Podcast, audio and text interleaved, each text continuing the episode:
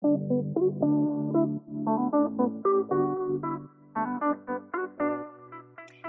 welkom bij opnieuw een Law Talk van WVO Advocaten. En niet zomaar een Law Talk, maar een Law Talk waarin wij terugblikken op het afgelopen jaar 2023. En waarin we ook samen alvast vooruitkijken naar wat het mooie nieuwe jaar 2024 ons gaat brengen. Mijn naam is Annemarie Bussen en ik zit hier vandaag met mijn collega Patricia Wijmans. Hey Annemarie. Hoi, goedemorgen. En uh, nou Patricia, wij hebben uh, toch wel een aardig lijstje zo weten samen te stellen als wij uh, terugblikken op 2023. Wat er arbeidsrechtelijk allemaal um, eigenlijk heeft plaatsgevonden, welke uitspraken er met name door de Hoge Raad zijn gedaan. Ook wetsvoorstellen waar de minister van Sociale Zaken en Werkgelegenheid ons mee heeft verblijd. En um, nou, misschien is het goed om gewoon eens eventjes ook te kijken naar uh, waar hebben wij het dit jaar allemaal over gehad in onze podcast. En uh, nou, toen wij dit voorbereiden, waren we in die zin um, hè, over sommige onderwerpen dachten we, oh ja, dat is ook geweest. Je vergeet gewoon soms best snel wat we allemaal besproken hebben en wat er allemaal over ons heen is gekomen in, uh, in arbeidsrechtland. Maar waar ik als eerste um, eigenlijk mee wil beginnen is de, de, klokkersluider, de klokkenluidersregeling. Want um, eigenlijk begin dit jaar, op, uh, op 28 februari, en dat was uh, nummer 64 voor de luisteraar die hem gemist heeft en die hem wel graag wil luisteren alsnog. Toen hebben wij namelijk volop aandacht besteed aan de nieuwe klokkenluiderswetgeving. En wat in die zin wel aardig is, is dat eigenlijk uh, het einde van dit jaar, 17 december, dus dat is echt nog maar een, een paar dagen geleden. Ja, dat was eigenlijk het moment waarop um, de, de hakbel viel, om het zo te zeggen. Klinkt wel wat dramatisch, maar uh, vanaf 17 december moet namelijk iedere werkgever die 50 werknemers of meer in dienst heeft, een klokkenluidersregeling hebben. En uh, we gaan natuurlijk nu niet helemaal uitleggen hoe de wetgeving uh, in elkaar steekt, want dat hebben wij al eerder gedaan. Maar we hebben wel iets aardigs, iets anders daar nog over te melden.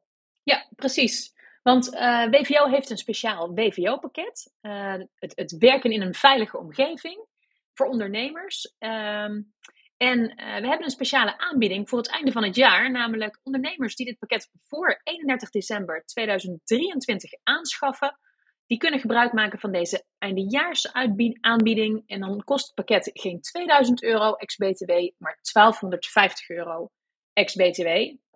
Um, en daarmee uh, krijg je een protocol ongewenst gedrag, arbeidsconflicten en melding misstanden. Uh, je voldoet aan de wetbescherming klokkenluiders en arbeidsomstandighedenwet.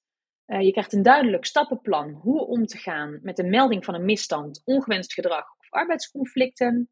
Een beschrijving van de rol van de vertrouwenspersoon. En je krijgt een uur kosteloos ondersteuning en advies over de implementatie van deze regeling binnen jouw organisatie. Dus nou ja, mocht, je nog, uh, mocht je dit nog niet geregeld hebben, dan kun je nog gebruik maken van deze aanbieding. Ja, en wat misschien wel goed is om daarbij bij aan te geven. Ik kan me heel goed voorstellen dat iedereen echt snakt naar de kerstvakantie. En denkt, ja, maar dan moet ik dat echt nog de komende twee, drie dagen regelen. Nee, dat hoeft niet. Um, je kunt het uiteraard gewoon nog deze maand bij ons aangeven. Maar dan kunnen wij ook zeker gewoon in januari uh, samen kijken om, uh, om de stukken uh, voor jouw organisatie dan mooi op maat te maken. Omdat er natuurlijk ook nog wel het een en ander bij komt kijken. Jij gaf ook al aan, we geven ook advies over de implementatie. Want ook de ondernemingsraad heeft, heeft nog een rol in deze. Die hebben zelfs, zelfs instemmingsrecht op grond van artikel 27 van de WOR. Dus um, als je denkt, oh, ik heb dat nog niet. Um, en je belt ons nu en dan denk je, joh, dan heb ik het in ieder geval op 19 december geregeld. Als je een ondernemingsraad hebt, dan is dat niet helemaal de manier waarop het uh, kan gaan. En um, heel eerlijk gezegd, er staat wel een, volgens mij als ik het goed zeg, zelfs een, een dwangsom op of een, een boete als je de, de klokkenluidersregeling, als je die niet hebt in jouw organisatie. Maar ik denk niet dat er nu al uh, uh, bij de arbeidsinspectie, of in ieder geval dat er nu al handhavend wordt opgetreden omdat uh, men bij de arbeidsinspectie denk ik ook bijna wel kerst wil gaan vieren. Maar ik denk wel dat het heel goed is en belangrijk is om dit op je to-do-lijstje te zetten voor januari. Als je uh, bedenkt, hé, hey, ik ben inderdaad zo'n werkgever van uh, 50 werknemers of meer. En ik heb dat eigenlijk allemaal nog niet geregeld. En terecht wat jij zei, Patricia, hè, wij hebben daar een combinatie van gemaakt omdat uh, het heel goed is om ook eventjes af te stoffen. Wat hebben we nou eigenlijk aan gedragscodes? Wat hebben wij nou eigenlijk liggen? Zeker na alle, nou toch ook wel rechtspraak die we hebben gezien. Over ongewenst gedrag, over ehm, hè, onveilige werkomgeving. En dat is misschien ook wel heel leuk om even een heel klein bruggetje te maken naar een uitspraak van de Hoge Raad. Volgens mij uit juni dit jaar. En ehm, ja, dat ziet verder niet op de klokkenluidersregeling of zo. Dus dat reclameblokje kunnen we nu afsluiten. maar daar was inderdaad een ontslag op staande voet aan de orde. Van volgens mij zelfs wel een directeur. Dus wel iemand met een wat hogere positie. En uiteindelijk heeft de Hoge Raad daar op twee punten een uitspraak gedaan. Namelijk over um, hè, hoe moet je nou in je ontslagbrief uh, de dringende reden opschrijven. Mag je verwijzen ook naar in dit geval ordners waarin ook nog allerlei verwijten stonden.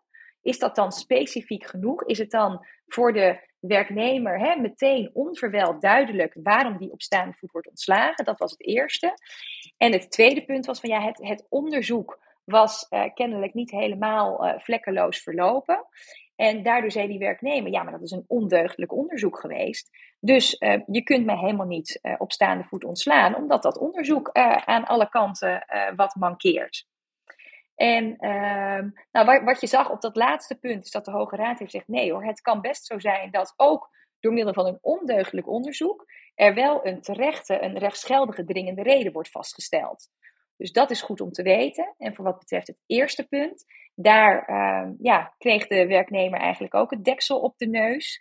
Want daar kreeg de, uh, de werknemer uh, uiteindelijk van de Hoge Raad te horen dat het feit dat de uh, werkgever in de ontslagbrief wel al wat voorbeelden had gegeven. Het ging bijvoorbeeld ook over, volgens mij, een, racistische opmerkingen, in ieder geval ook over omgangsvormen.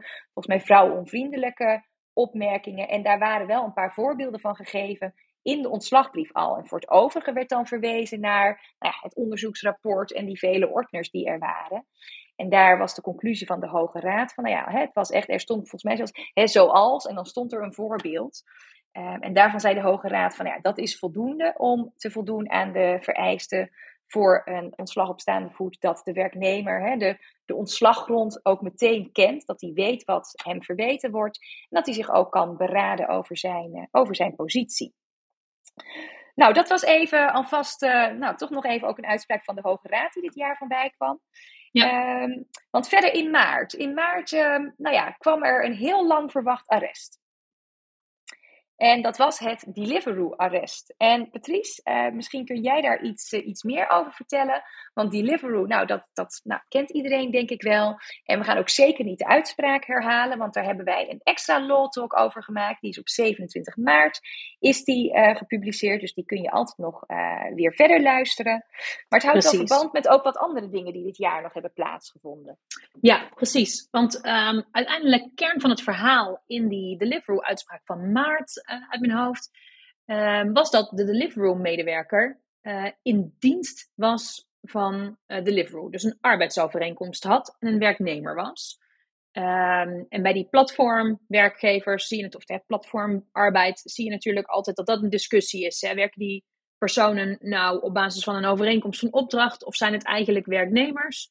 Nou ja, in, in maart werd dus geoordeeld dat in die situatie sprake was van een werknemer Um, en grappig is dat we eind van het jaar nog een uitspraak hebben gezien van de Hoge Raad. Waarin uh, dus ook werd geoordeeld, ja, je bent niet alleen werknemer, maar je valt ook gewoon onder de werkingssfeer van de algemeen verbindend verklaarde CAO.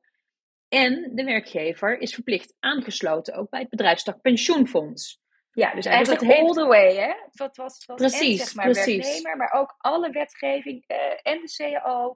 En dus ja. ook, zeg maar, pensioenverplichtingen alles geldt dus ook weer voor mm. deze Deliveroo ja, uh, rijders, werden ze volgens mij ook genoemd. Terwijl, en dat is natuurlijk wel bijzonder, want zij hadden uh, op papier een overeenkomst van opdracht. Dat ja, was ook de verplichting van Deliveroo. Zij hadden een KVK-inschrijving, alleen al die argumenten zijn allemaal in dat arrest door de Hoge Raad gewogen. Volgens mij waren het er echt nou, ik, ik moet het nu even uit mijn hoofd doen, maar volgens mij een stuk of 17 of zo. En er zijn zelfs juristen die zeggen dat je volgens mij tot, tot, tot 40 gezichtspunten of zo kunt komen. Dus echt ja. allerlei feitelijke omstandigheden van hoe gaat het nou daadwerkelijk in zijn werk zijn daar afgewogen. Ja, en de conclusie van de Hoge Raad was gewoon, dit is echt gewoon een werknemer met een arbeidsovereenkomst in de zin van artikel 610 van boek 7 van ons burgerlijk wetboek. Ja, Ja, en dat is een beetje wel de lijn die je ziet in de, in de rechtspraak. Hè, dat er steeds meer echt feitelijk wordt gekeken naar hoe moet, die, hoe moet die overeenkomst nou echt worden gekwalificeerd tussen die werkende en die ja, opdrachtgever slash werkgever. En dat past ook wel bij de lijn die wij zien uh, qua wetgeving natuurlijk, want er is ook een wetsvoorstel ingediend. Dat hebben wij ja, want dat is wel aardig, hè? Want, want, want de Hoge Raad die heeft volgens mij ook nog overwogen aan het, uh, aan het einde van het arrest. Ja, maar dat het aan de wetgever was om hier dus meer duidelijkheid of meer lijn in te brengen. Nou ja, en toen kwam de wetgever inderdaad. Precies, precies. Dat proberen ze dus te doen. Uh, met het wetsvoorstel verduidelijking arbeidsrelaties uh, en rechtsvermoeden, volgens mij heet die uit mijn hoofd. Um, en daarin worden er dus ook, uh, ook in de wet, als het goed is, een, een aantal nou ja, handvatten gegeven om ja, om wat meer te kunnen met die kwalificatie. En interessant daarbij is nog maar, nogmaals, daarvoor kunnen jullie terugkijken in een, uh, of terugluisteren naar een andere law van ons. Um, maar vooral in die wetsgeschiedenis worden een aantal voorbeelden genoemd uh, die heel interessant zijn en die, die um, nou ja, wel een goed licht werpen op wat de wetgever bedoelt met, uh, met die gezichtspunten en met die extra handvatten voor de kwalificatie. Uh, ja, want het, zit, zit hem, ja, want het zit hem echt op dat stukje gezag, hè? Want dat is natuurlijk wat, er, wat er nu nog het uitgangspunt is. En hè, het in dienst van, dat is altijd dan benoemd als het gezagscriterium. Ja. En, en daar wordt dan nu inderdaad iets gezegd. Hè, ze kijken naar werkinhoudelijke aansturing.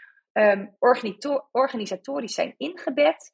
En hè, niet voor eigen rekening en risico de arbeid verrichten. Ja. Um, maar daar, daar, daar wordt echt heel uitgebreid, volgens mij, in het wetsvoorstel op ingegaan. En daar is ook al op gereageerd, geloof ik. Ook onder andere door de, uh, door de arbeidsrechtverenigingen die Nederland, uh, Nederland kent. Yes, ja, die, die, die internetconsultatie is inmiddels gesloten. Maar goed, wij zullen natuurlijk het komende jaar goed in de gaten houden wat er verder met dat wetsvoorstel gaat gebeuren.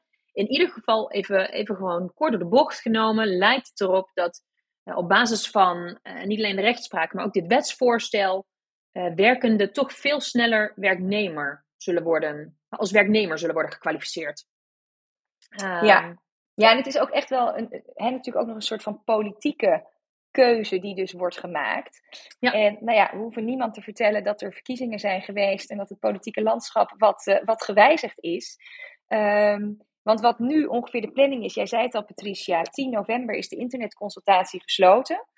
Ja. Um, wat wij hebben terug kunnen vinden is dat de oorspronkelijke bedoeling was dat deze wetgeving per 1 juli 2025 dan in werking zou treden zonder overgangsrecht. Dus dat is ook nog wel een, een puntje. Hè? Dus het kan zijn dat iets nu geen arbeidsovereenkomst is. En als dit dan inderdaad wet wordt, dat je in één keer omslaat dat het wel een arbeidsovereenkomst is.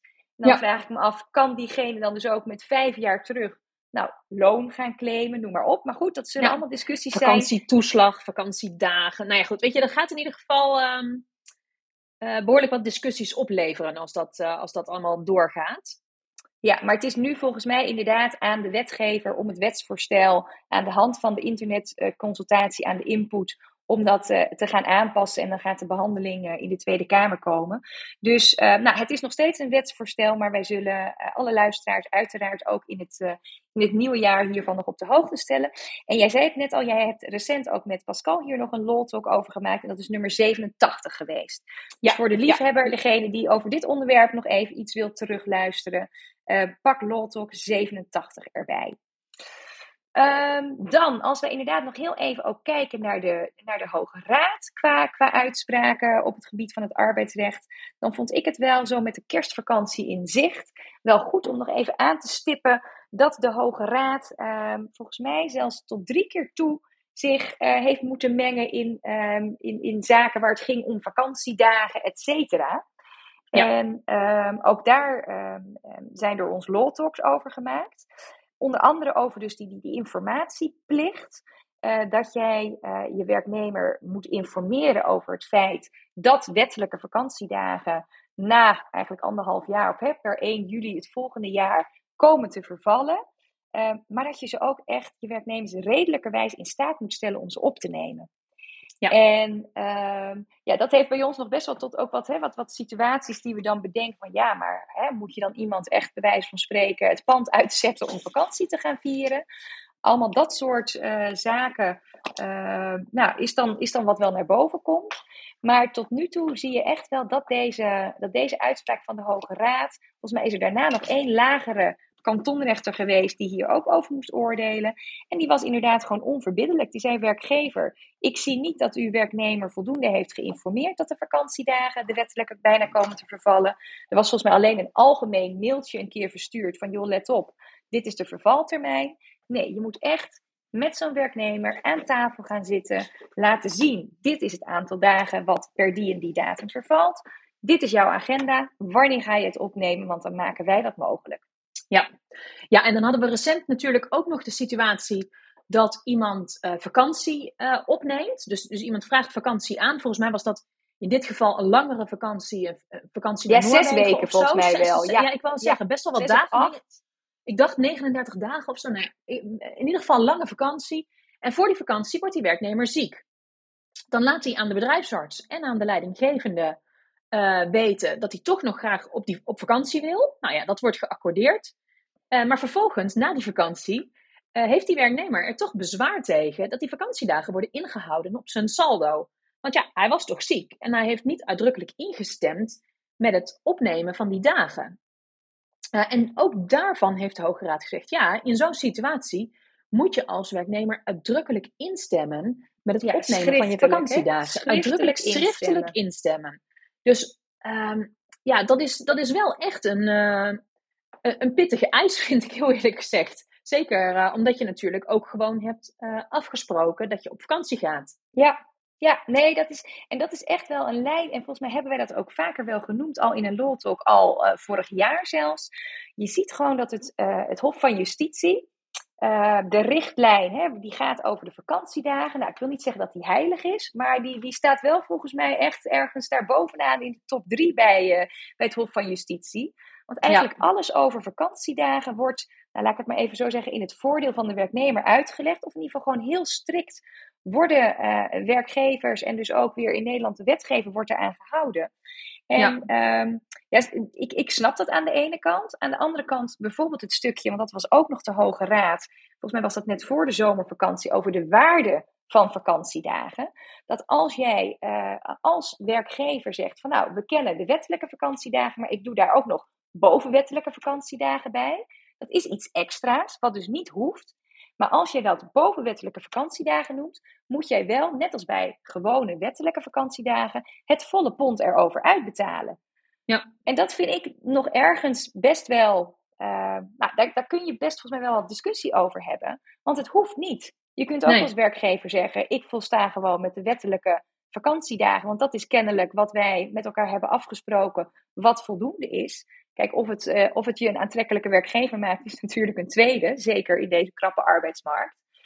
Maar um, hè, wat je nog wel eens zag, is dat, um, ja, dat er nu toch wel creatiever voor gekeken wordt. Nou, wij willen mensen best wel nog een soort extra tijd geven. Maar dat het dan niet vakantiedagen worden genoemd, ook geen bovenwettelijke vakantiedagen, maar dat het een meer soort een, een levensfasepotje wordt genoemd, levensfasebudget, of um, een, een, bepaald, um, hè, bepaald um, zorgverlof of, of, of uh, uh, persoonlijke uh, ontwikkelingsuren die je kunt krijgen. Want daar kun je als werkgever, of in ieder geval, ik zou dat nog wel aandurven, nog van zeggen: ja, maar dat krijg je per jaar. Ja, maak je het niet op, dan is het pech, dan komt het ja. vervallen. Want voor ja. bovenwettelijke vakantiedagen kan dat dus al niet. Plus, je, mag, je moet daar dus ook gewoon echt alles voor, nou ja, het volle pond voor betalen. Ja, nee, nou ja, goed. Ik denk dat de conclusie is dat, dat vakantiewetgeving gewoon heel erg in het voordeel van een werknemer wordt uitgelegd. Dat werkgevers er goed aan doen om hun eigen beleid daarin goed onder de loep te nemen. En ja, kritisch te kijken hoe ze, hoe ze met bepaalde situaties omgaan. Ja, nee, ben ik helemaal met jou eens. Nou, en dan denk ik dat wij eh, heel voorzichtig naar het, uh, naar het nieuwe jaar gaan kijken, Patricia. Nog eventjes heel kort. Yes. Um, want er, ja, er, er zijn wel een paar wijzigingen die gewoon sowieso al doorgaan. Bijvoorbeeld het wettelijk minimumuurloon. Ja, we, natuurlijk... hadden, ja, we hadden natuurlijk eerst een wettelijk minimum maandloon. Uh, maar dat, dat pakte een beetje gek uit, omdat de ene heeft een werkweek van 36 uur vol, voltijd uh, dienstverband en de ander heeft een werkweek van 40 uur. Dus dat maakte dat het minimumuurloon per werknemer dus kon verschillen. En om dat tegen te gaan, eh, is er per 1 januari 2024 gewoon een wettelijk minimumuurloon, zodat dat uurloon voor iedereen gelijk is. Ja, dus dat is inderdaad duidelijk. Alleen het kan best nog wel wat consequenties hebben. Want per 1 januari dit jaar, 2023, is het wettelijk uh, minimumloon best fors omhoog gegaan, meer dan 10%. Ja. Met als gevolg dat als jij als werkgever een CAO toepast, waarin ook um, hè, er schalen waren waarin uh, die gebaseerd waren op het minimum, uh, minimumloon, ja, waardoor jou, jouw functiehuis eigenlijk uit balans raakt omdat daar in één keer 10% er op grond van die wetgeving bovenop kwam. Terwijl de andere mensen die boven, minimumuur, eh, boven minimumloon, moet ik zeggen, verdienden, dat niet. Dus daar had je wat scheefgroei. En dan kan eigenlijk met wat nu doorkomt, er bovenop, als jij inderdaad dus een CAO had op grond van 40 uur, of op grond van 39 uur of 38 uur, dan kan dit ook weer een, nou ja, een soort van extra disbalans teweeg brengen. Dus het is wel goed om daar, om daar inderdaad um, je bewust van te zijn. En daar denk ik ook, zeker als CAO-partijen, uh, om daar ook naar te gaan kijken. Van hoe gaan we nou die, ja, die rangorde herstellen? En dan denk ik dat ik wel weet hoe de vakbonden daarin staan. Namelijk van, nou ja, dan moeten al die anderen ook maar hè, de 10% erbovenop, et cetera. Maar ja, dat kan natuurlijk niet uit. Dus volgens mij is dat best nog wel een uitdaging aan de onderhandelingstafel. Hoe daar een oplossing voor gevonden gaat worden. Uh, maar goed, dat is inderdaad dus per 1 januari 2024 uh, is dat gewoon de situatie. Dan uh, wees jij mij nog terecht op het feit dat het, uh, het stapbudget, dat wordt echt, uh, echt afgeschaft. Ja, dat, wordt was volgens mij dat budget waar iedereen massaal zijn wekker ja. voor zette om in te loggen.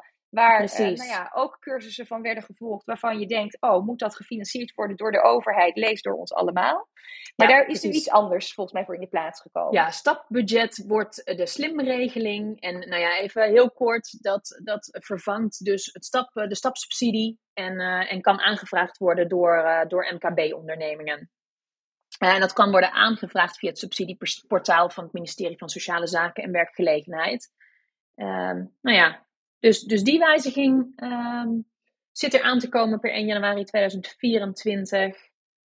Um, en dan hadden wij, dacht ik, nog één andere wijziging op. Nou, het is, het is nog geen wijziging, maar het is iets wat wel natuurlijk relevant is voor de, voor de, uh, de luisteraars in de Arbo-branche. Maar dat is meer zeg maar, het wetsvoorstel over het beperken van de reïntegratieverplichtingen voor MKB-werkgevers ja. in het tweede ziektejaar. Daar ja. is volgens mij ook de internetconsultatie nu van geweest.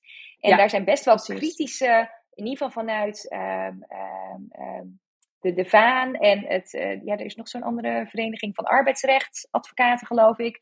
En in ieder geval die twee samen best wel een kritische, wel heel, heel duidelijk. Ja, heel goed onderbouwd. Ja. Uh, maar die hebben echt wel wat, wat kritiekpunten op dat wetsvoorstel. Ja, klopt. Daar heb jij ook, volgens mij ook recent nog precies. een, een law talk over gemaakt. Pascal en ik hebben daar inderdaad recent ook een law talk over, over gemaakt, waarin we ook al kritisch waren op dat, op dat wetsvoorstel. Maar die zit er inderdaad ook ja, die wordt, dat, dat wetsvoorstel wordt volgend jaar ook verder behandeld. Dus ook daar, daarvoor geldt, uh, zullen wij de ontwikkelingen gewoon goed, uh, goed in de gaten houden. En, uh, en jullie als luisteraars daarover informeren als daar meer over bekend is.